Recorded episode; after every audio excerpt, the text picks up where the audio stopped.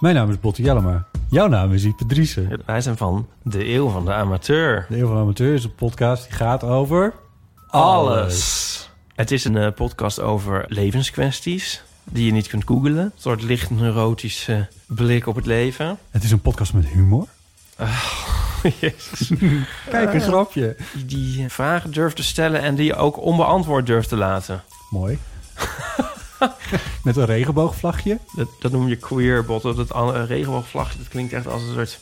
Eh, ik bedoel, iedereen is welkom. Kom ons luisteren in je favoriete podcast-app.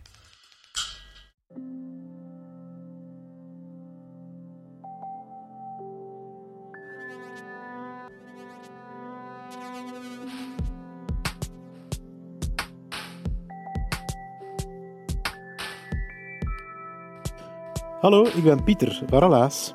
In Relaas hoor je waar gebeurde verhalen en die worden verteld door de mensen die ze zelf hebben meegemaakt. In deze aflevering van de podcast twee hele kleine verhalen, geplukt uit de verhalencarousel die we de afgelopen maand elke week deden. Daarin kon je met je kleine verhalen terecht en kon je ze met ons delen en met het publiek ook, en dat was elke zondagavond. Twee verhalen nu die hopelijk een glimlach op jouw gezicht gaan toveren. Straks het verhaal van Anita over de tandjes van haar André. Maar eerst Jonas. Die was getuige van een bizarre spelletjesavond en een daarbij horend mysterie van de moeder van Barry.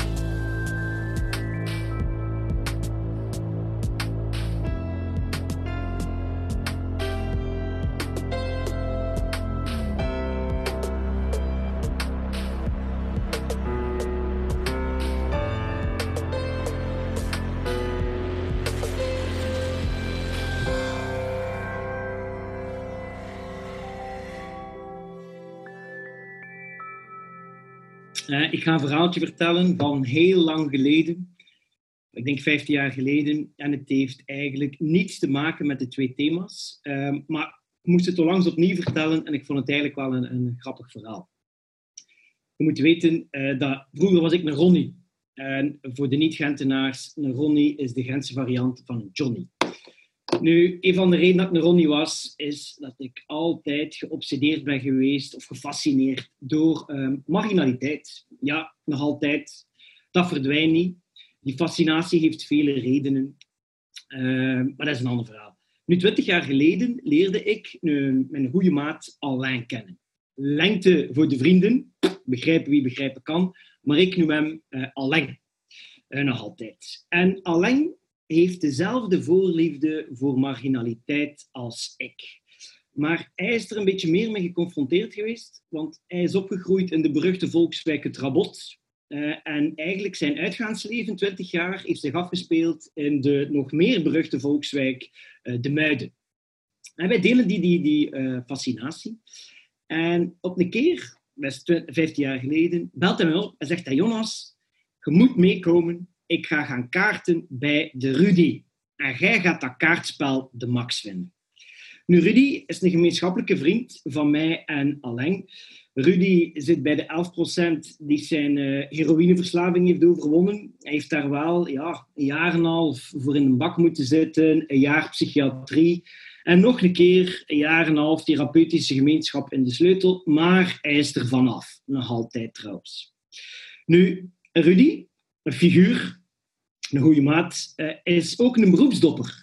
Dus die een dopte, uh, totdat hij geschorst werd door de RVA. En dan moest hij verplicht een opleiding doen uh, in een knelpuntberoep. Dus Rudy was een, opgeleide vrachtwagenchauffeur, een opgeleide kraanbestuurder, een, een geattesteerde klarkist. en dan deed hij die opleidingen en dan ja, dopte hij weer. Rudy is de creator van de uh, fascinerende uitspraak: uh, Jonas, ik werken. Waarom? Ik heb geen schulden.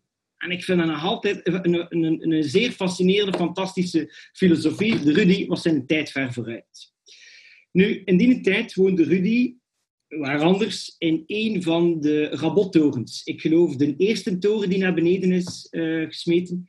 Want ik ben er al lang niet meer geweest. En ik heb nu gehoord dat er, dat, dat er geen enkele meer staat.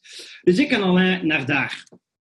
Naar dat kaartspel. Uh, Alain heeft me al een beetje opgemaakt uh, in de auto. En het eerste wat mij binnenval in het appartement van, van de Rudy is dat de rooster, zijn toenmalige huisgenoot, heeft een blauw oog.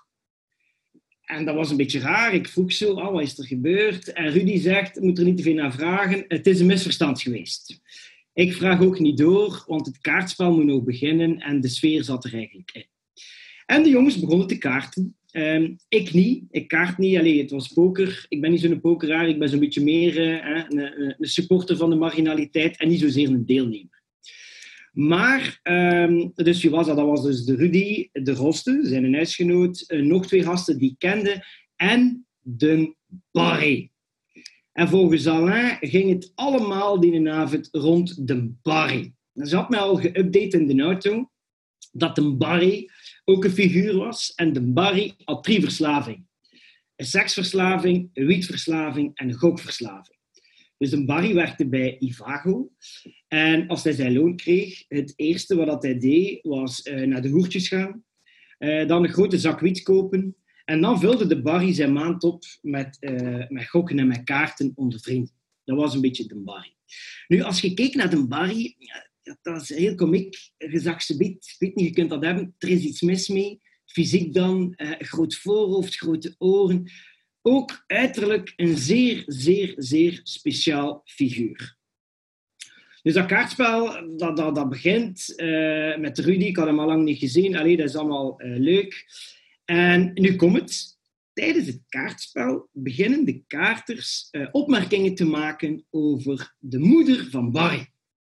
Heel raar. Eigenlijk, in het begin was dat niet raar. Er waren grapjes, er waren toespelingen, dat begon onschuldig. Maar dat werden dan toch wel wat pikante opmerkingen, aangebrande opmerkingen, seksuele toespelingen. En dat eindigde, hè, want dat kaartspel heeft een uur of drie of vier geduurd, dat eindigde met regelrechte lofbetuigingen van allemaal over hoe goed Barry's moeder wel niet was in bed. En dat was heel raar, en, en het rare en het grappige, of ook een beetje het treurige, was dat de Barry liet dat allemaal over hem gaan. Die wiebelde zo de hele tijd met zijn stoel heen en weer. Uh, die bleef ook verder pinten drinken, net zoals wij, en, en geld inzetten. En, een beetje als de geslagen hond onderging hij dat allemaal. Um, achter, ja, hij was dat eigenlijk ergens gewoon. Nu, vier uur en vijftien punten later gaan Alain en ik naar huis um, met de auto. Hè? Toen was dat nog zo. En het mysterie van de moeder van Barry was niet opgelost. En ik vroeg aan Alain, ik zeg, Alain, hoe zit dat nu met de moeder van Barry? Allee, raar dat al die gasten daar toch wel wat hele aangebrande opmerkingen over maken. En Alain zei, maar Jonas, heb het niet door? En ik zo, nee, ik heb het niet door.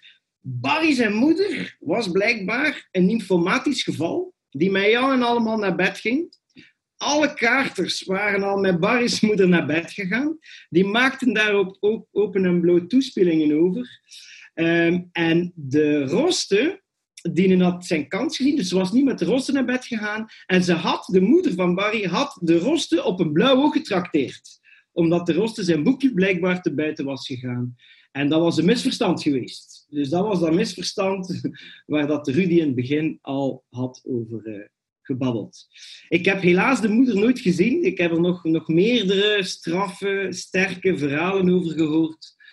Maar uh, ik heb ze nooit in levende lijven gezien. Maar ik heb wel een idee over de moeder van Barry. En dat was mijn uh, verhaal uit een, mijn deels marginale jeugd aan het Rabot.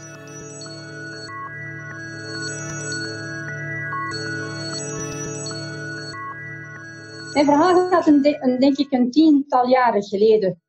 Um, André, ik ken André nog niet zo heel lang. En André zijn onderste tandjes, uh, de wortels begonnen daar stilletjes aan van bloot te liggen. Hij naar de tandarts en de tandarts die strak, ja, dat wordt waarschijnlijk drie tanden onderaan, die moeten getrokken worden. Uh, en ja, dat wordt dan een voorlopig gebiedje. Goed, en naar de tandarts, uh, die tanden eruit een voorlopig gebiedje erin. Je kent dat, dat is zo met van dat roos, met drie tandjes en zo een metalen haakje dat dan eigenlijk achter uw tandvlees schuift. Ja. Uh, hij doet dat aan, hij past dat bij de tandarts, dat was een dame, en ziet het goed meneer Roos? Ja, het zit allemaal goed, oké, ga naar huis. Maar een hele dag had hem dat spel al aan en dan begon hem de duur een beetje te wringen en te doen. En dus bonk die tandjes uit en hij legde die ergens in de keuken op het aanrecht En ik had zoiets van, nee, allee André, dat doe je toch niet, hè, ze tanden. Uh, je moet dat ergens in een glas leggen, eigenlijk op de oude manier. Ken je echt zo de tanden, uh, je gebied in een glas. Dus zo gezegd, zo gedaan. Uh, een dag of twee en elke keer boem die tandjes s'avonds uit, boef dat glas in. En ik zeg, alleen nu staat dat glas hier en ik zet dat op de vensterbank in de keuken. Goed.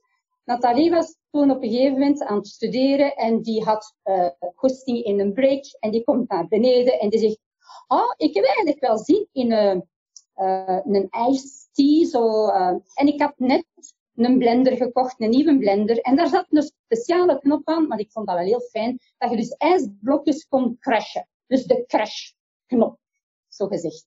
Uh, en dus zegt, ah, mama, weet je, nu kunnen we misschien eens uw nieuwe blender uittesten. Dus ik zeg, ah ja, heel goed idee. Dus, maar ik zie ook niet wat dat zij doen. En zij zegt, oké, ik weet ook niet hoe dat ze die iced heeft gemaakt. Enfin, uh, dus, en ze zegt nog, ah, hoor eens. En de machine, op die knop. Oké, goed. Dan op een gegeven moment, uh, dat spel is klaar. Ze pakt glazen uit de kast en ze zegt nog tegen Wim, uh, iemand anders hier in de familie, hè, Steve de Proost, uh, Wim, moet jij ook een ijsthee hebben? Ja, Wim had ook graag een ijsthee. Dus ik denk vier glazen en we, zij vult dat allemaal. We zitten hier aan tafel. En op het einde vult ze het laatste glas en ze zegt, tja, wat is dat nu? Wat zit daar nu van onderin? En wij kijken, uh, wij, daar zit een specie in dat we eigenlijk, wat heb jij er allemaal in gedaan? Ah, niks speciaal. Ik heb uh, tea en dan uh, blokjes ijs. Ja, en wat water. En waar heb je dan dat water gehaald? Ah, ja, in de keuken in een glas. Wat zagen we nu van onder? Daar zat zo van dat roos in en uiteindelijk ook van metaal. En we dachten van, wat kan dat nu zijn? Nu bleek dat dus wel degelijk van dat gebiedje te zijn. Dus zij had op de vensterbank nog ergens een glas met water gevonden en zat dat dan maar bijgekapt. En dan met die uh, knopcruncher, heel dat gebied kapot. Ja, jongens. Allee, Nathalie, dat doe niet. Je, je kijkt toch een beetje. Nu was dat natuurlijk in een glas van onder, waar dat een beetje, uh, hoe noemde dat, um, ribbeltjes op waren. Dus zij had ook niet in dat glas gekeken. Dus ze zag ook niet dat er iets in was. Enfin, André terug zonder tanden. Hè? Dus hij de dag nadien, want het was, André gaf in die tijd ook nog les. Dus hij moest nog uh, oudercontact hebben. En hij zegt, ja, ik kan toch niet zonder tanden dat oudercontact doen hè, met zijn leerlingen. Dus hij terug naar de tandartsen, ja, terug voor een nieuw gebied aan te laten zetten. Hè, dus te laten passen. En die tandarts die vroeg, oh meneer Ros, ik heb nu toch een gebiedje gemaakt. Ja, André moest dan wel schaamte van vertellen. Allee, ja, dat is in de blender gerokt. Dat mens die moest natuurlijk al even lachen. Hè. Dat was een verhaal dat ze eigenlijk nog nooit, toch nog, nog niet veel had gehoord. Enfin, een nieuw gebied, terug datzelfde, terug dat roos, terug met zo, uh, met haakjes, met metaal. Hè, en dan met de uh, boodschap naar André. André, jongen, je houdt dat nu wel degelijk in je mond. Je doet dat dus nergens niet meer uit, niet in een glas, niks, nullen, nullen de botten. Ja, André zegt, ja, ja, het is goed. En dus, uh, zo gezegd, zo gedaan. Op een morgen ga ik werken en ik kom buiten en wat zie ik op de oprit naast zijn auto, naast de banden, iets roos liggen. En ik kijk dat van dichterbij en denk, het is niet waar. Dat waren dus diezelfde tandjes terug, dat tweede gebiedje dat naast de banden van zijn auto lagen. Hij was thuisgekomen, weer na een lange dag, dat gebied in zijn mond had en dacht, voert, ik steek het in mijn zakdoek, in mijn zak, in mijn jaszak. En met zijn sleutel uit de zak te pakken, is hij natuurlijk op de grond gevallen. Dus vandaar het verhaal van de tanden en de crusher.